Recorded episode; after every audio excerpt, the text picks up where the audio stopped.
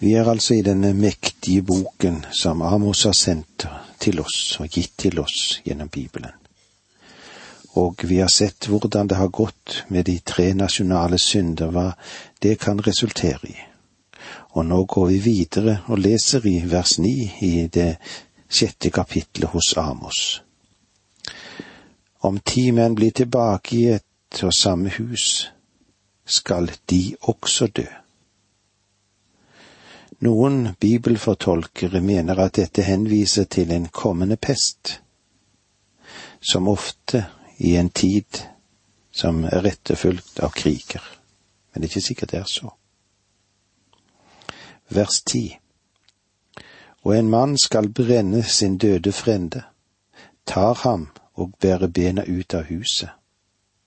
Han sier til dem som er innerst i huset, Er det noen igjen hos deg? Den andre svarer nei, ingen. Og han sier, Hysj, Herrens navn må ikke nevnes. Hvor alvorlig denne plagen og pesten blir, det fortelles her i vers ti. Når den eldste i slekten, som plikten har å begrave de som tilhørte hans folk, kom for å hente det døde legeme i huset, og for å brenne det, så var det bare én tilbake av de ti som tidligere hadde bodd der. Og av pur angst har den gjenlevende trukket seg inn i den innerste kroken i huset for å vente på at pesten også skal nå inn til ham. I det gamle Israel var begravelse den måten som en tok hånd om sine døde på. Det kan vi se i Første Mosebok 3.19. Med svette i ansiktet skal du ete ditt brød, inntil du vender tilbake til jorden, for av den er du tatt, av jord er du, og til jord skal du bli.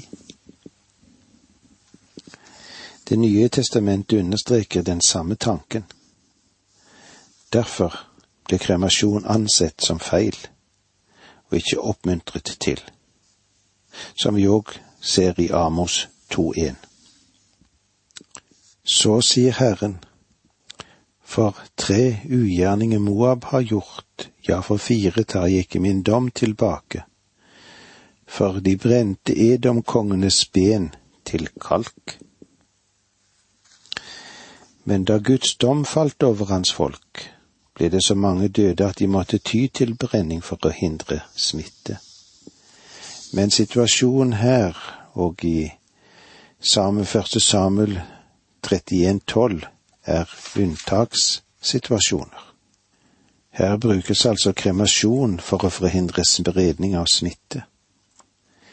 I første Samuel ble likene kremert for å hindre videre vanære for Saul og for hans sønners legeme av filistene.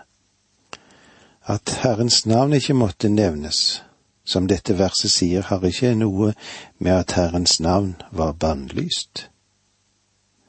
Men på grunn av straffen og pesten var en redd for at Herrens navn skulle bli nevnt på, nevnt på feil sted, og at det ble nevnt i en feil sammenheng, og at det skulle utøke straffen og hans vrede over dem. Men det er jo dette navnet som er deres eneste håp og den eneste redning som er å få. I vers elleve leser vi slik, for se, Herren gir befaling, og han slår det store huset så det synker i grus, og det lille huset så det revner. Både høy og lav, rik og fattig, måtte inn i asyrisk fangenskap. Vers tolv springer hesten opp etter bratte fjell, pløyer en havet med okser. Men dere gjør retten om til gift og rettferdsfrukt til malurt. Amos understreker her hvor meningsløst Israel oppfører seg. De ville aldri komme på å drive en hest opp etter bratte fjellet eller pløye havet med okser. Det ville jo være et vanvittig foretagende, det. Like meningsløs burde det være at retten, når den ble sett på som urett, fordi de gjennom sin livsholdning og den praksis de hadde, har satt all rett til side. For, for hva? Jo, for sin egen livsnytelses skyld. Vers 13 Dere gleder dere over lo det var og sier, var det ikke ved egen kraft vi tok Karnajim? Disse to byene som nevnes her, lå i Øst-Jordanlandet, og eh, de hadde da Israel erobret tilbake fra arameerne. Så dette verset skal nærmest bety at en stoler på den militære styrke som Israel hadde under ledelse av Jeroboam den andre. Vi leser videre i, i vers 14 kapittel 6. Se, nå reiser jeg et folk mot deg, du Israel sitt, lyder ordet fra Herren Allers Gud. De skal undertrykke dere fra Lebo Hamat til Arababekken. Hamat lå i Syria og var Syrias fremste bysamfunn. Til Arababekken, som er navnet på den elven som lå på den andre siden av Jordandalen og strømmet ned i Dødehavet. Gud sier, denne fienden som kommer fra nord skal strømme gjennom hele landet. Og denne fienden var ikke Ben Hanan fra Syria. Nei, det var kongen av Asyria som ville føre dette folket i fangenskap. Og det var så langt vi hadde med oss i kapittel seks. I kapittel sju er åpningen for den tredje og siste hoveddel i Amos-boken. Disse avsluttende tre kapitlene inneholder visjoner for fremtiden.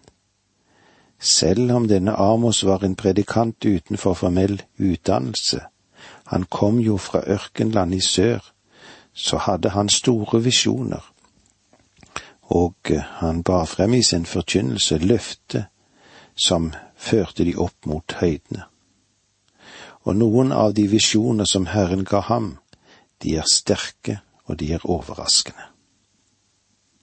Visjonen om gresshoppene. I vers 1 kapittel 7 leser vi slik. Dette synet lot Herren Gud meg se. Han skapte gresshopper da hån tok til å vokse. Det var hån etter kongens slott. Det var hån etter kongens slott.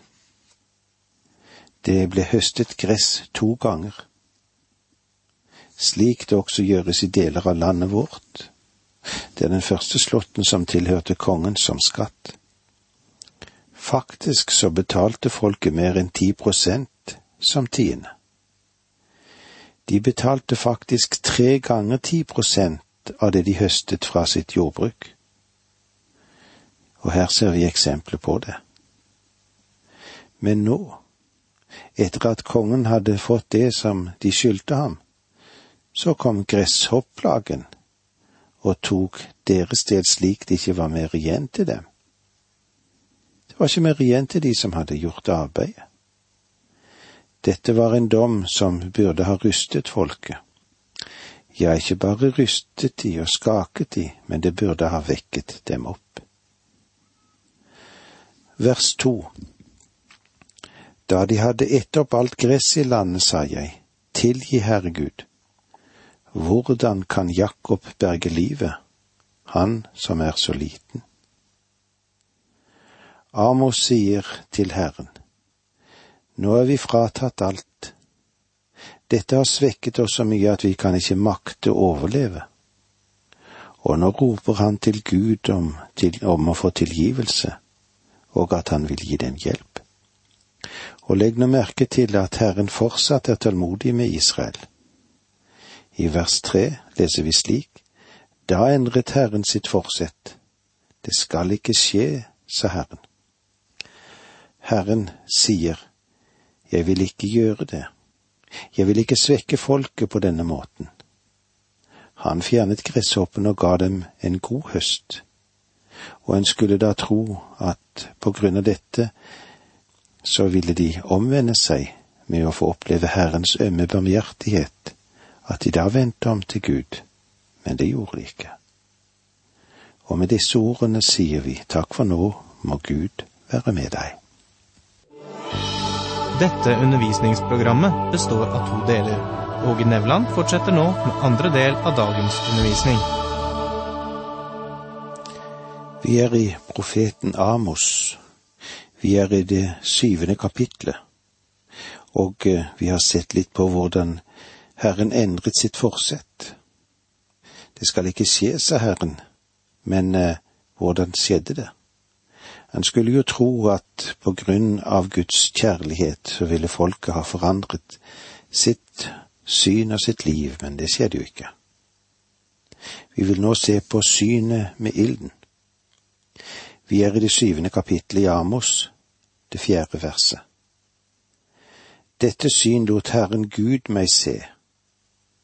Herren Gud kalte ilden til strid. Den slukte det store havdyp og holdt på å ete opp landjorden. Mange kommentatorer tror at ilden her faktisk var en tørkekatastrofe. Og jeg er villig til å si at en tørkekatastrofe og en ild, at gresset kom i brann, eller det ble en skogbrann, det hører ofte sammen. Men jeg tror at det som virker ødeleggende her, er en virkelig ildebrann, og jeg tror at Amos gjør dette helt klart. Versene fem og seks. Da sa jeg, Hold opp, Herre Gud, hvordan kan Jakob berge livet, han som er så liten? Da endret Herren sitt forsett, heller ikke det skal skje, sa Herren Gud.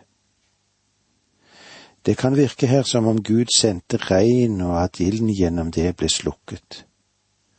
Enda en gang så hørte Gud på dem.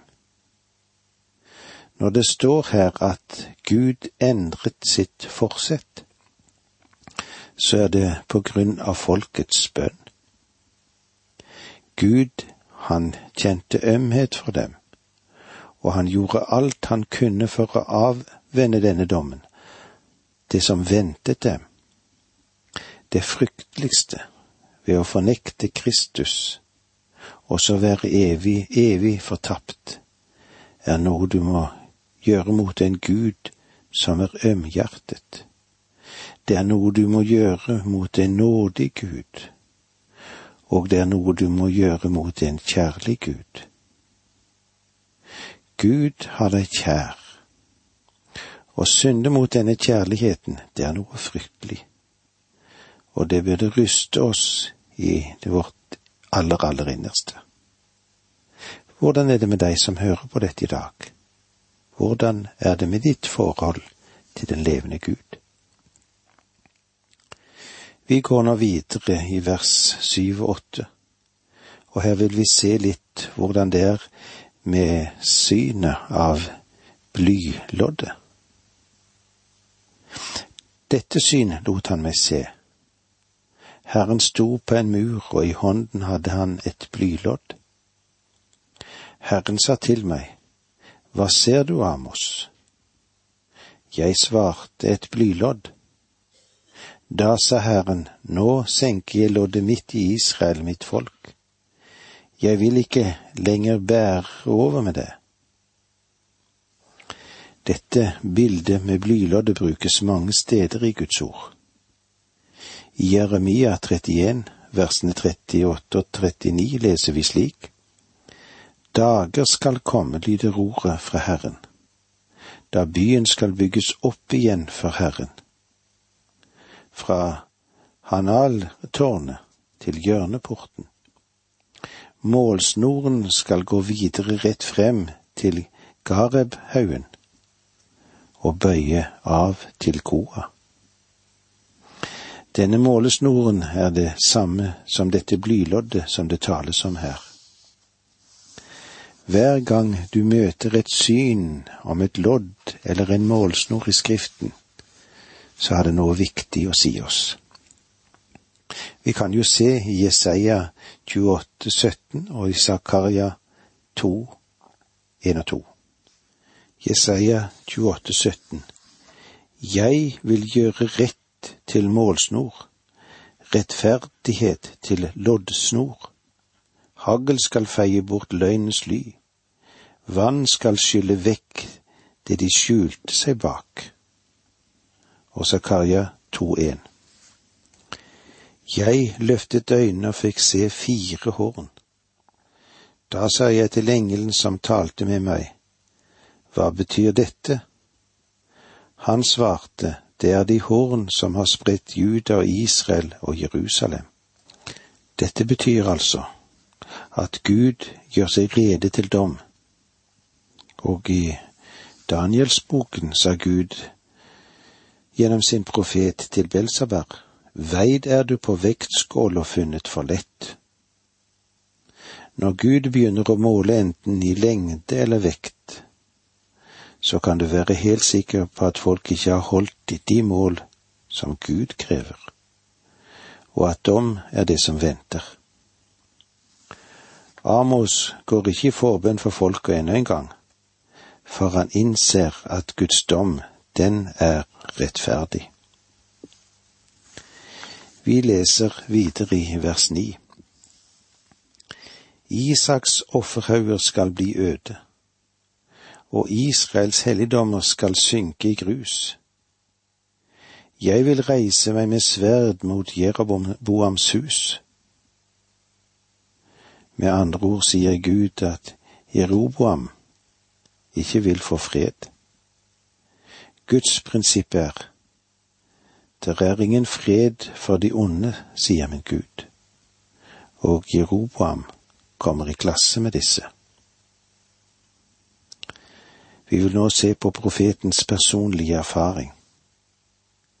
Mellom disse profetiske synene så er det skutt inn her et lite historisk mellomspill, og det dreier seg om profeten Amos sin personlige erfaring. Da vi tok for oss i innledningen til denne profetboken, sa jeg noe om dette, og det passer også her. Amasja, presten i Betel, sendte bud til Jeroboam, Israels konge, med disse ord. Amos har fått i stand en sammensvergelse mot deg midt i Israel. Landet kan ikke lenger holde ut alle de ord han taler. For Amos har sagt, Jeroboam skal dø for sverd, og israelittene skal føres bort som fanger fra sitt land. Om du går tilbake til vers ni, omtenksom, der vil du finne at Amasja lyver her. Vers ni. Isaks offerhauger skal bli øde, og Israels helligdommer skal synke i grus. Jeg vil reise meg med sverd mot Jeroboams hus. Du vil merke her igjen at det er ikke sannhet. Det er et av de tragiske religiøse sammenhenger til alle tider det har vært spørsmålet om å bli misforstått. Og det kan være én ting å bli misforstått, men noe annet er det å omgå sannheten. Når jeg taler, prøver jeg å tale så direkte og enkelt som jeg kan få til. Likevel har jeg oppdaget at mennesker kan sitere meg feil. De påstår at jeg har sagt noe som jeg absolutt ikke har sagt. Noen ganger så skjer dette ved at mennesker ikke forstår eller makter å holde sammen argumentene over et lengre tidsrom. Men noen ganger så kan jo misforståelsen være bevisst. Amasja var prest for gullkalven, og du kan bare tenke deg hvordan hans oppfatninger var. Han var en leid predikant. Han sa at kongen ønsket det skulle, at det han skulle si.